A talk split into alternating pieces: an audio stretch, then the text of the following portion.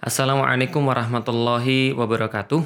Alhamdulillah, uh, puji dan syukur senantiasa kita panjatkan kepada Allah Subhanahu wa taala.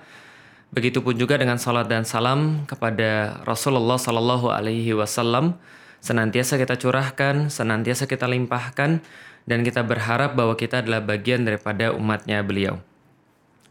Sampai pada bagian yang uh, ketiga. Jadi kalau di podcast bagian ketiga, kalau di YouTube bagian kedua. Uh, kita sudah bahas bahwa kemarin di episode setengah syahadat, kenapa saya kasih nama setengah syahadat? Karena bagi saya syahadat itu kan la ilaha illallah Muhammadur Rasulullah. Hanya kalau kita ambil yang awal saja la ilaha illallah di mana keimanan kepada Allah itu yang menentukan segala-galanya termasuk beriman kepada rasulnya Nabi Muhammad Sallallahu Alaihi Wasallam maka sebenarnya la ilaha illallah itu bisa dipotong menjadi dua. Yang pertama adalah la ilaha tidak ada Tuhan. Uh, yang bagian kedua adalah illallah kecuali Allah. Maka sebenarnya kalau seorang ateis itu menggunakan akalnya, kemudian dia berusaha untuk keluar daripada kenyamanan, berusaha untuk berpikir dan mendapatkan pada satu titik dalam pemikirannya itu kalau dia tidak meyakini adanya Tuhan uh, sebenarnya tidak sepenuhnya salah. Karena ya ini sudah sebagian daripada keimanan setengah daripada syahadat. Maka dalam episode yang lalu kita bahas setengah syahadat maksudnya adalah ketika seseorang itu sudah mulai menggunakan akalnya maka inilah permulaan dia dalam agama Islam Uh, begitu pun juga dengan saya ketika SMP kelas 2 ketika sudah mulai berpikir maka saya menyadari pada waktu itu saya mulai merasakan kebencian dengan agama. Saya merasa bahwa agama ini bukan sesuatu yang murni, bukan sesuatu yang asli, bukan sesuatu yang memang dari Tuhan. Bahkan saya pun meragukan adanya Tuhan. Karena kalau dipikir-pikir, ya setelah main game, setelah baca beberapa buku-buku filosofis, ini kayaknya memang Tuhan ini adalah sebuah ide yang diciptakan manusia agar ada keteraturan di tengah-tengah manusia. Lewat game itulah akhirnya saya menjadi orang yang ateis, nggak percaya dengan agama, nggak percaya juga dengan Tuhan, lalu kemudian saya masih memiliki beberapa keraguan, masih memiliki beberapa pertanyaan beberapa curiosity. Bedanya manusia sama bukan manusia kan, yang lain kan nggak pernah curious, teman-teman sekalian. Manusia selalu curious. Dia senantiasa pengen lebih. Dia senantiasa mencari tahu. Dia senantiasa mencari sesuatu yang baru. Nah, itu adalah curiosity-nya manusia. Misal, sampai kapan pun yang namanya kucing itu nggak akan pernah mempersiapkan kayak manusia bikin gudang untuk penyimpanan makanan, bikin pengolahan makanan itu nggak akan pernah dilakukan sama kucing. Tapi kalau manusia, manusia akan melakukan itu semuanya karena out of curiosity, karena dia merasa uh, penasaran, dia merasa pengen untuk kemudian explore sesuatu. Nah balik lagi, saya pun juga masih punya rasa seperti itu. Saya pengen tahu karena manusia kan nggak mungkin begitu saja terjadi. Nggak mungkin manusia itu uh, terjadi secara sendirinya. Pasti ada yang mengawali segala sesuatu. There have to be a beginning. Karena kenapa? Karena ada akhirnya. Kalau ada akhirnya berarti itu adalah tanda bahwa ada awal. Nggak mungkin sesuatu yang punya akhir tapi tidak punya awal. Maka saya berusaha mencari awalnya dari mana. Ketika saya sudah menjadi seorang ateis tapi masih punya penasaran, maka sains adalah jawabannya. Saya sangat suka pada waktu pelajaran sains, khususnya adalah pelajaran biologi. Semua sih suka, fisika saya suka, uh, kimia saya suka. Tapi favorit saya adalah pelajaran biologi. Makanya sampai-sampai pada saat itu uh, saya juga sempat diminta untuk mewakili sekolah dalam olimpiade biologi karena saya sangat suka sekali tentang makhluk hidup. Kenapa? Saya mau belajar dari mana datangnya seluruh hal ini dan apa yang ada di baliknya. Uh, saya pengen tahu kalau Tuhan tidak menciptakan semua ini, lalu siapa yang mengadakan semua ini? Saya belajar pelajaran biologi sampai pada bab asal mula kehidupan, origins of life. dari mana asal asal mula daripada kehidupan? Banyak teori. Kalau sekarang yang uh, yang lagi bukan yang lagi tapi yang uh, yang tren di kalangan para ilmuwan, mereka semua hampir sepakat bahwa ada satu teori yang namanya Big Bang yang mengawali kehidupan manusia. Lo kok teori sih? Ya karena dulu nggak direkam mas.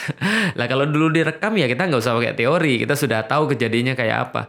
Tapi kan kita harus menebak-nebak. Nah menebak-nebak yang sangat akurat, menebak-nebak yang pakai bukti, menebak-nebak yang pakai arahan-arahan sehingga uh, sangat kecil kemungkinannya salah itu namanya teori. Nah teori itu ya tergantung. Ada teori yang kuat, ada teori yang lemah. Contoh teori teori Darwin tentang evolusi itu teori. Apalagi misalnya teori Lamarck tentang bagaimana bagaimana terjadinya ragam spesies. Teori Alexander Oparin tentang uh, bagaimana awal mula kehidupan. Itu semua teori. Tapi teori-teori ini kan baru hadir ketika sudah terjadi Big Bang, ketika sudah ada jadi materi. Uh, gini gini gini.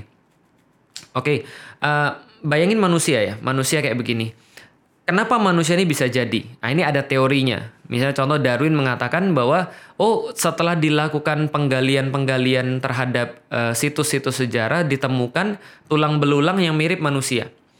Kalau manusia digolongkan sebagai Homo sapiens, maka ini mirip manusia. Sama-sama homo, sama-sama jenis manusia, bipedal, dia berdiri di atas dua kaki, tapi beda spesies namanya Neanderthal. Jadi Homo Neanderthal. Uh, dan seterusnya dan seterusnya dan seterusnya. Uh, apa perbedaannya? Ukuran otak, lalu peradaban, lalu bahasa, lalu kemampuan organisatoris dan seterusnya. Yang jelas bahwa dia bukan manusia modern menurut Darwin. Ditemukan lagi ternyata yang mirip-mirip manusia. Jadi kalau seandainya monyet itu sekarang ada yang jalan pakai kaki dan tangan, ini sudah mulai ditemukan yang kayak manusia tapi juga kayak monyet. Dari situlah kemudian Darwin menyimpulkan teori evolusi. Oh, ternyata manusia itu berasal daripada monyet. Kan gitu kan ya. Lalu kemudian monyet itu tambah lama, tambah lama berjuta-juta tahun dia berevolusi sehingga menjadi manusia. Teorinya didasarkan dari situ. Terlepas teori benar atau tidak, nanti kita akan bahas. Tapi saya pengen ngasih tahu bahwa teori-teori ini, kayak teorinya Darwin, teorinya Lamarck misalnya, uh, tentang jerapah, kenapa ada yang lehernya pendek, ada yang lehernya tinggi, itu kan ada dua teori. Satu mengatakan bahwa uh, dulu jerapah itu lehernya semuanya ada yang panjang dan pendek. Tapi makanan itu beragam, ada pohon panjang, ada pohon pendek. Dulu ketika pohon-pohon pendek masih ada, mereka semua makan dari situ. Tapi begitu pohon-pohon pendek sudah musnah karena banyak yang makan, tinggal pohon yang tinggi. Maka hanya jerapah yang tinggi yang bisa makan pohon yang tinggi. Jerapah yang pendek nggak bisa makan lehernya, ya mati. Itu teorinya Lamarck. Ada lagi teorinya Darwin yang kayak tadi. Uh, kalau seandainya jerapah itu dulunya nggak ada yang panjang, nggak ada yang pendek, bukan genetis, tapi semuanya lehernya sama. Tapi ada yang bisa memanjang, ada yang bisa pendek sorry ada yang bisa manjang, ada yang tetap pendek. Yang bisa manjang itulah DNA yang unggul yang nanti akan diwariskan seterusnya. Itu teorinya Darwin. Tapi semua teori ini saya pengen kasih tahu adalah teori-teori yang muncul setelah adanya bumi, setelah adanya alam semesta. Tapi pertanyaannya lagi, kalau teori-teori tadi cuma membahas tentang awal mula manusia, awal mula jerapah, awal mula ya binatang-binatang kenapa ada yang terbang, ada yang melata, ada yang segala macam, ada moluska, ada uh, apa namanya? ada vertebrata, avertebrata, ada uh, apa ana apa saya jadi lupa apa itu yang namanya laba-laba itu anakida ya ya pokoknya gitulah ya uh, apa apa namanya ya aves dan seterusnya kenapa ada pembagian-pembagian uh, seperti itu ya ini semua adalah bahasan teori ketika sudah muncul bumi dan uh, dan araknida tadi ya ternyata laba-laba itu araknida. Uh, jadi itu muncul teori ini setelah bumi.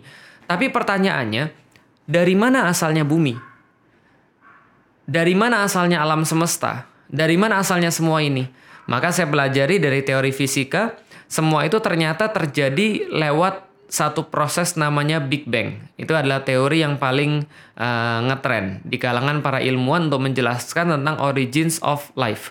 Asal mula daripada semuanya kehidupan manusia. Bagaimana teori Big Bang? Jadi gini ceritanya. Dulu ketika ada orang yang neropong, ada orang yang buat teropong lalu mengamati benda-benda langit, benda-benda angkasa, maka mereka mendapati bahwa benda-benda langit itu saling menjauh satu sama lain. Jadi satu planet dengan planet yang lain itu ketika diamati setiap waktunya dia senantiasa menjauh. Menjauhnya berapa banyak? Walau misop. Saya nggak saya nggak baca sampai di situ. Tapi yang jelas mereka mengatakan dengan sangat jelas kesimpulannya adalah alam semesta ini memuai. Kenapa memuai? Karena seperti balon yang ditiup. Gini, teman-teman boleh buat penelitiannya sendiri, sorry, boleh buat percobaannya sendiri di rumah. Teman-teman punya balon, balon itu yang masih kempes dikasih spidol, titik-titik satu sama lain. Lalu kemudian ditiup.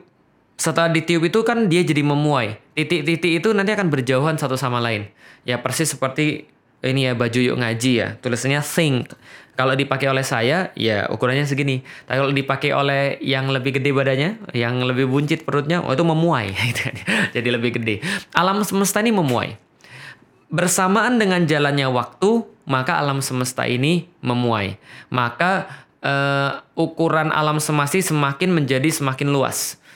Pertanyaannya, kalau kita balik Uh, if we turn back time, kalau kita balik waktunya, maka ketika kita balik waktunya, Ya berarti kemudian kalau kita rewind ya, kalau kan kalau sekarang kan jalan terus nih, play. Kalau kita rewind berarti dia menyusut kan? Gini nih. Kalau kita play kan dia membesar nih.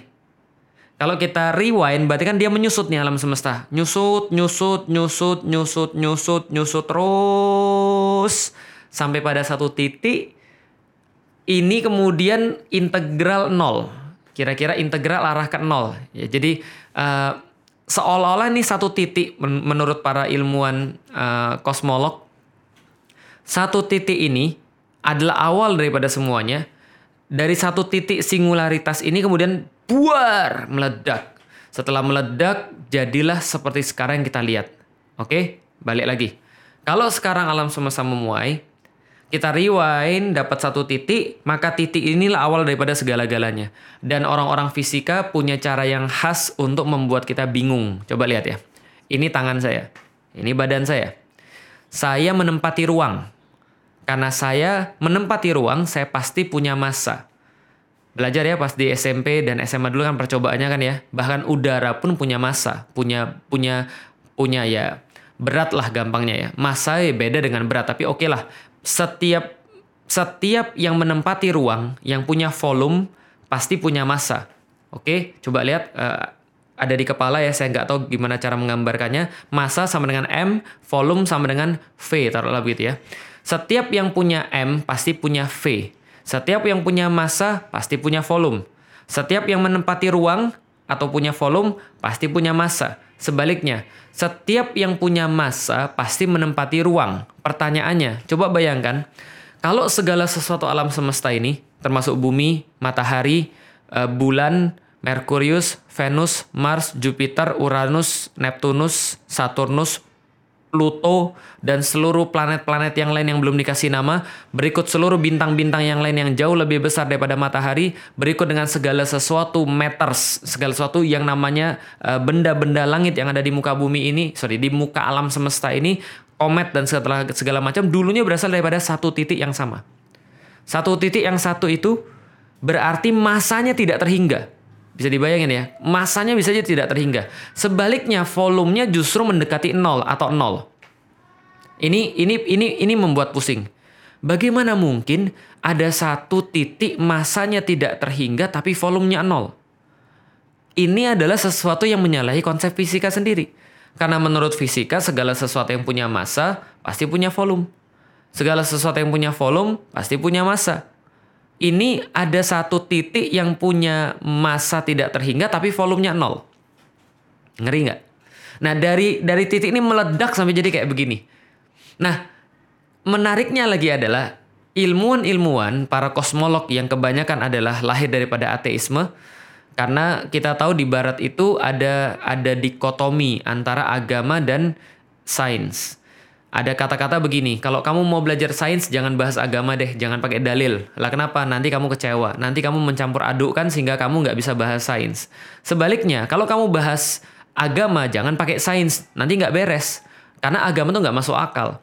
Sedangkan sains itu adalah berdasarkan akal. Maka mereka para ilmuwan-ilmuwan ini ketika menyaksikan fakta tentang Big Bang, tentang satu titik yang meledak gitu kan ya, benar-benar literally meledak Big Bang, ledakan besar, maka terjadi segala sesuatu ini yang sangat teratur, yang sangat presisi, yang sangat detail. Itu yang mereka saksikan.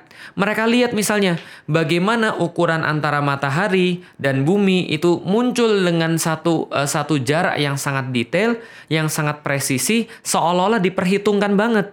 Yang kalau seandainya mendekat sedikit saja atau menjauh sedikit saja, maka tidak terjadi kehidupan seperti yang kita lihat.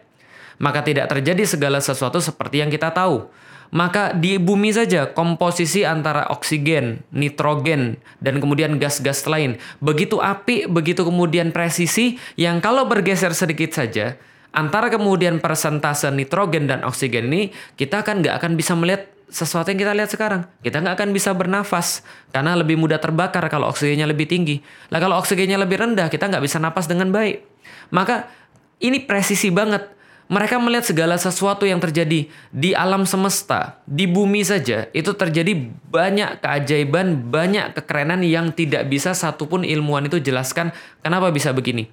Mereka memperhatikan bagaimana kemudian tumbuhan-tumbuhan itu tumbuh berdasarkan aturan-aturan tertentu desain-desain di uh, di apa namanya di sayap capung itu didesain dengan aturan-aturan tertentu. Bagaimana proporsi tubuh manusia didesain dengan uh, aturan-aturan tertentu. Yang kalau bergeser sedikit saja maka kita sudah melihat ini ada sesuatu yang tidak seimbang.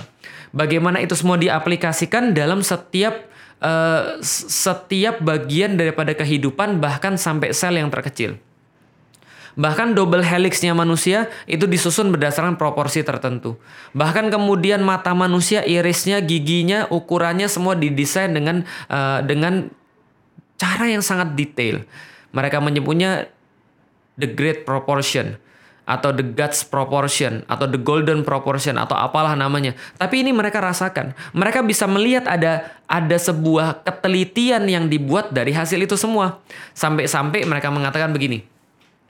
Kalau andaikan, andaikan dulu alam semesta ini berasal daripada Big Bang dan Big Bang ini meledak dengan kecepatan tertentu dengan cara yang tertentu, maka kita bisa mengandaikan, andaikan satu uh, kemungkinan bahwa semua itu terjadi kayak sekarang dibanding seluruh kemungkinan yang mungkin ada gitu loh maksudnya. Jadi contoh kayak gini nih, taruhlah buar meledak dengan kecepatan tertentu nih. Dia bilang kalau kecepatan tuh dikurangi dikit aja nggak akan terjadi yang kayak sekarang. Gampangnya gini kata dia, kemungkinan alam semesta, kehidupan tercipta secara kebetulan itu anggaplah sama seperti Anda ambil satu pasir, lalu kemudian Anda tandain pasir itu, lalu Anda tiup masuk ke laut, lalu kemudian Anda tunggu selama satu hari atau dua hari, lalu besoknya suruh orang untuk cari pasir itu lalu nunjukin kepada Anda dengan sekali ambil. Nggak boleh dua kali. Jadi gampang gini, sekali ambil, ah ini dapat saya. Mungkin nggak kira-kira? Ya hanya orang hanya orang yang nggak waras yang bilang bahwa itu mungkin. Itu ya jelas nggak mungkin. Atau seperti kemudian orang menjatuhkan satu juta pena. Satu juta pena dari ketinggian misalnya contoh 100 meter. Dijatuhkan satu juta pena. Setelah kemudian satu juta pena ini kemudian uh, jatuh di, di dalam satu kertas. Jadi di bawahnya tuh, uh, dikasih satu kertas. Jatuhin satu juta pena dari ketinggian seri, uh, 100 meter. Lalu kemudian ketika jatuh semua pena itu. Kemudian uh, terciptalah satu surat yang rapi, yang bisa dibaca, yang sangat bagus maknanya. Mungkin nggak semua itu terjadi? Nggak mungkin. Itulah kenapa seluruh kosmolog bilang kami itu mau untuk meyakini adanya Tuhan. Tapi coba kasih tahu siapa kami, kasih tahu pada kami siapa Tuhan itu. Kami cuma bisa bilang kata mereka bahwa ada entitas, bisa jadi kata mereka ada entitas di luar ruang dan waktu yang menciptakan semua ini. Karena pikir baik-baik teman-teman sekalian kalau Big Bang itu benar-benar kejadian, ya, Big Bang duar meledak. Jadi coba bayangkan, berarti sebelum titik ini, sebelum titik ini kejadian, sebelumnya nggak ada ruang dan nggak ada waktu. Nggak ada masa, nggak ada volume, nggak ada waktu. Nggak ada panjang, nggak ada lebar, nggak ada tinggi, nggak ada waktu, nggak ada time. Eh, udah udah panas. Oke kalau gitu dari sini ilmuwan-ilmuwan menyimpulkan ada entitas, ada zat supernatural, ada yang maha teliti kata mereka, yang perhitungannya sangat luar biasa. Kalau menurut seorang uh, matematikawan Roger Penrose, kemungkinan uh, terciptanya segala sesuatu ini in coincidence secara kebetulan adalah pangkat sepuluh pangkat satu dua tiga. Oke, cukup untuk melihat yang jauh-jauh. Lihat dalam diri kita sendiri. Banyak sekali hal-hal yang nggak bisa kita jelaskan. Saya sering mengatakan, kenapa manusia bisa ada? Iya karena ada bapak dan ibunya. Oke, bapak dan ibunya kita sudah bahas tentang origins of life. Oke lagi nih, kenapa terus bisa jadi manusia? Pernah nggak sih kita kita mencari tahu betapa betapa rumitnya proses bahkan sebelum kita ada di dunia? Pernah nggak sih kita nyari tahu betapa ngerinya, betapa sadisnya proses sebelum kita di dunia? Pernah nggak sih kita nyari tahu bagaimana mengagumkan dan mengesankannya proses ketika kita terbentuk di dalam rahim ibu kita. Bayangkan ketika ada sel sperma yang keluar daripada laki-laki yang lalu masuk dalam wanita. Prosesnya banyak banget dan panjang banget.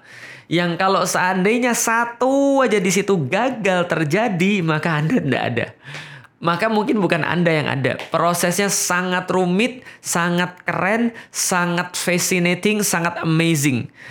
Kenapa bisa begitu? Oke, coba lihat ya. Sperma itu kan nggak pernah pergi ke tempat wanita ya. Jadi kan harusnya kan dia nggak nggak tahu apa-apa dong tentang wanita. Dia nggak paham dong apa-apa tentang wanita kan gitu kan ya. Karena dia nggak pernah pergi ke tempat wanita kan gitu kan ya. Tapi ternyata dia tahu segala sesuatu tentang wanita. Yang harusnya dia nggak tahu karena dia nggak pernah ke sana. Kan nggak pernah ada sperma pergi ke tempat wanita lalu survei balik lagi lalu kemudian lapor. Oh keadaannya begini kita harus nyiapin ini kita harus nanti punya begini harus latihan biar kuat larinya gitu kan ya. Harus dengan sekuat tenaga kan nggak nggak gitu ya. Nggak ada drill gitu kan ya dan nggak ada training gitu kan ya. Nggak ada gladiresik gitu kan ya nggak ada semuanya. Itu completely strange bagi mereka. Tapi mereka tahu segala-galanya dan kita harus ingat soul daripada sperma, soul purpose daripada sperma adalah pergi ke tempat perempuan lalu membuahi uh, ovum lalu kemudian menghasilkan individu yang baru yaitu adalah manusia dalam hal ini bayi yang kemudian ditanam di rahim ibunya. Kita cuma bahas satu proses saya saya pengen supaya teman-teman appreciate dengan proses ini. Uh, kita tadi sudah bahas tentang alam semesta, oke okay lah itu terlalu besar untuk kita sadari, terlalu besar untuk kita urusi. Sekarang kita bahas tentang diri kita sajalah. Sebelum kita menjadi manusia, siapa sih diri kita sebenarnya? Dari dari air yang hina, keluar dari kemaluan bapak kita, lalu kemudian ketika dia nggak tahu apa-apa tadi harusnya dia nggak tahu apa-apa tapi ternyata dia tahu. Apa yang dia ketahui teman-teman sekalian? Ketika masuk itu dia tahu perempuan punya racun yang namanya racun asam. Racun asam ini membanjiri apa pun yang masuk dalam tubuh wanita. Karena racun asam ini akan memproteksi wanita karena ini adalah jalan masuk yang sangat uh, sangat sangat apa namanya mungkin untuk penyakit masuk.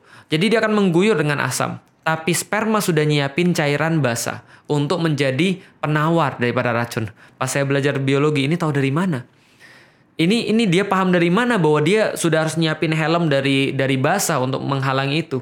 Setelah lolos daripada helm basah itu, dia harus kemudian berenang kuat mengalahkan saingan-saingan yang lain. Sekali keluar kan sperma kan rata-rata sekitar 500 juta, setengah miliar. Dia harus lari kuat banget jalan kemudian menuju kepada uh, rahim. Tapi nggak berhenti sampai rahim karena ovumnya nggak nunggu di sana. Ovumnya nunggu di rumah ibunya.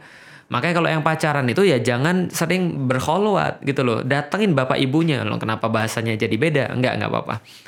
Jadi dia harus berenang ke arah ke arah ovarium, lebih tepatnya ke tuba falopi karena ovum ovumnya nunggu di situ berenangnya tuh nggak mudah. Setengah mati itu sperma. Ada banyak yang mati kegencet ada yang mati keinjek-injek kalau zaman sekarang gampangnya ya. Ada yang mati karena kehabisan bensin karena mereka mungkin nggak latihan dulu e, mereka mungkin e, apa namanya terlalu berleha-leha dulu terus kemudian nggak pernah nggak pernah ngelatih ototnya sehingga capek dan seterusnya. Ada yang kemudian e, salah jalan gitu ya. E, ini nggak belajar mesti. Jadi ketika ketika pembagian otak dia nggak hadir gitu. Nggak nggak nggak. Nggak semuanya itu apa Semuanya ini untuk menyaring siapa yang paling top.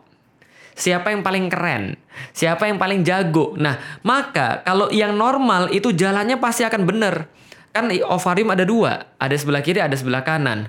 Nah, dan yang namanya perempuan itu kalau lagi haid, kan ovumnya keluar dari salah satu, berarti harus ke kiri atau ke kanan. Nah, itu nggak pernah ada satupun sperma kecuali yang tadi ya, yang nggak perhatian ketika dulu.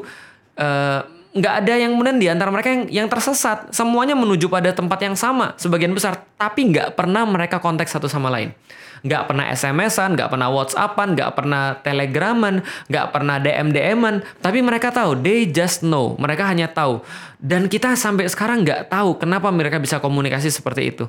Lalu ketika sudah terjadi pembuahan, pembuahan itu aja sudah sangat keren banget pembuahan sperma dan ovum. Itu rame-rame ngeroyok ovum gitu ya nih. Lalu kemudian ada ada sebuah lapisan yang sangat tebal di luar yang harus ditembus dengan sekuat tenaga. Padahal jalannya tuh udah jauh banget, udah capek banget tapi mereka harus mengeluarkan energi mereka yang terakhir untuk bisa menembus tembok ini. Lalu setelah temboknya ditembus ada kemudian cairan yang lain lagi sampai kemudian mereka struggle terus sampai salah satu di antara mereka nyampe ke intinya. Nah, begitu sampai langsung sinyalnya dikeluarkan. Wah, red alert, red alert, uh, shutdown, shutdown, semua ditutup. Uh, ada yang baru masuk setengah kejepit mati, gitu kan ya. Ada yang baru masuk sedikit mati. Yang lain nggak bisa tembus lagi. Kenapa?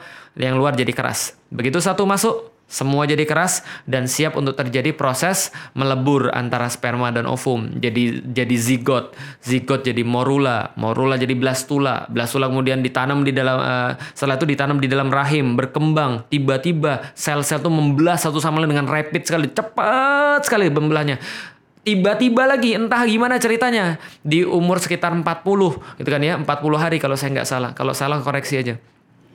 Tiba-tiba yang sel-sel yang rapid membelah tadi tumbuh tadi tiba-tiba entah dari mana perintahnya. Kamu jadi jantung kamu jadi otak kamu jadi tulang kamu jadi kulit kamu jadi kuku kamu jadi mata kamu jadi otak dan seterusnya nggak ada yang merintah. Maksudnya kita nggak merintah. Ibu-ibu kan nggak nyuruh.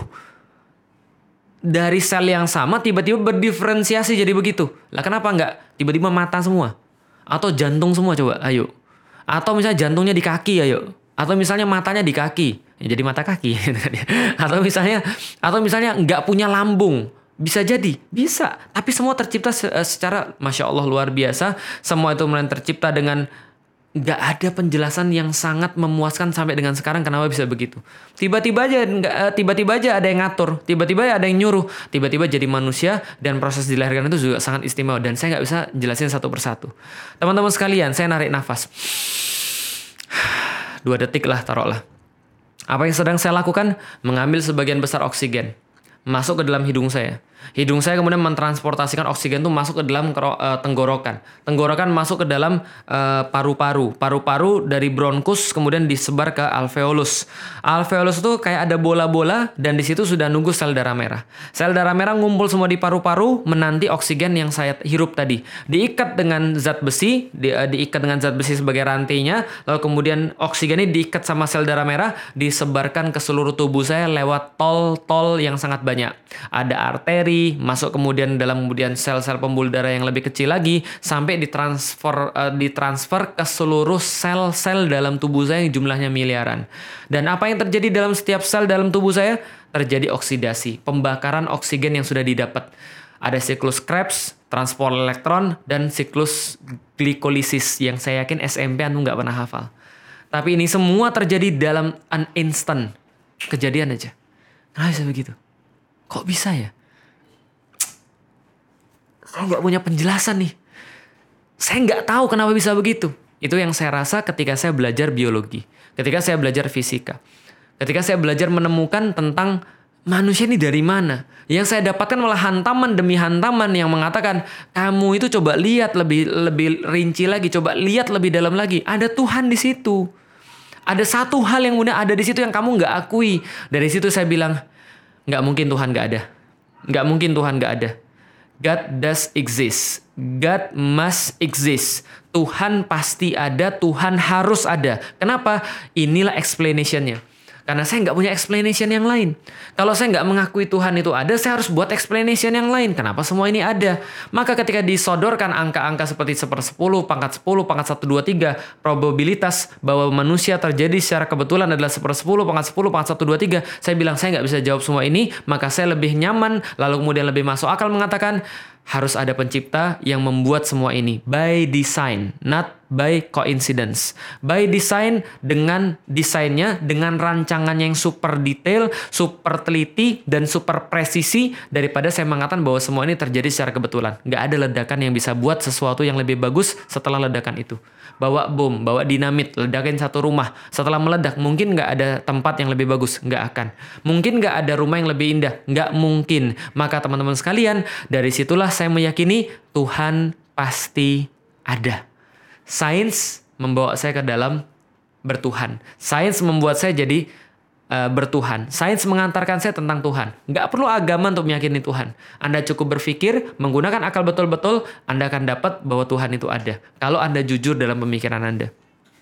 Tapi kalau Anda nggak jujur, ya banyak cara untuk menafikan adanya Tuhan. Banyak cara untuk mengatakan Tuhan itu nggak ada. Misal, saya pernah ketemu dengan ateis yang mengatakan Tuhan tuh nggak ada. Apa buktinya? Lo coba kamu buktiin Tuhan itu ada. Nggak bisa kan? Iya mas, betul. Kita nggak mungkin bisa membuktikan Tuhan dengan metode ilmiah. Dengan metode penelitian. Nggak mungkin. Kenapa? Karena Tuhan itu tidak diindra. Tidak bisa diindra seperti manggis. Tidak bisa diindra seperti uh, tangan, manusia, gula, dan segala macam. Contoh misalnya, saya dulu meneliti tentang manggis, pengaruh pemberian nitrogen pada produktivitas tanaman manggis. Jelas, manggisnya bisa dilihat, nitrogennya bisa dilihat, pemupukannya bisa diukur, metodenya jelas, maka bisa diukur. Maka kalau saya bilang ada pengaruh, berarti harus saya harus punya bukti. Tapi ingat, kalau saya bilang nggak ada pengaruhnya, berarti saya juga harus punya bukti dong. Nah pertanyaan saya, kalau orang ateis bilang Tuhan nggak ada, karena kita nggak bisa buktiin bahwa Tuhan itu ada, maka itu baru setengah daripada pembuktian. Tapi setengahnya lagi yang dia juga nggak akan bisa lakukan adalah buktiin bahwa Tuhan nggak ada. Ya bisa kan? Lah kenapa? Ya karena Tuhan ada nggak bisa dibuktikan secara metode ilmiah. Tapi Tuhan juga tidak bisa dibuktikan tidak ada secara metode ilmiah. Jadi kita nggak bisa buktiin Tuhan ada, dia nggak bisa buktiin Tuhan nggak ada. Berarti sama aja. Karena metodenya salah.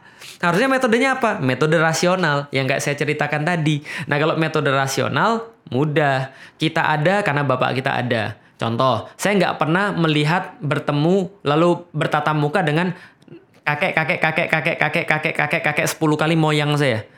Nggak pernah saya. Kakek saya aja baru ketemu kakek kakek moyang aja nggak pernah. Apalagi kakek kakek kakek kakek kakek kakek kakek sepuluh kali moyang nggak pernah. Tapi saya yakin dia pasti ada. Kenapa? Karena ada saya. Saya nggak pernah chat-chatan sama dia. Saya nggak pernah dapat apa peninggalan dia. Saya nggak pernah tahu fotonya seperti apa. Tapi saya cuma yakin. Kenapa? Karena ada saya. Ada saya itu bukti ada kakek saya. Ada kakek saya itu bukti bahwa ada kakeknya. Dan seterusnya sampai 10 kali kakek buyut. Kakek moyang. Nah itu adalah metode rasional. Artinya adalah Tuhan pasti ada. SMP kelas 3 saya yakin Tuhan ada. SMP kelas 3 saya mikir dan saya nggak bisa menafikan adanya Tuhan. Dari situ kemudian saya mengalihkan pemikiran saya ke mana pun yang saya dapat kesempurnaan kesemuanya ini meniscayakan Tuhan pasti ada. God does exist. Lalu bagaimana dengan Islam? Oh nanti. Nanti kita akan sambung dalam episode berikutnya, insya Allah. Makasih udah nyimak teman-teman sekalian.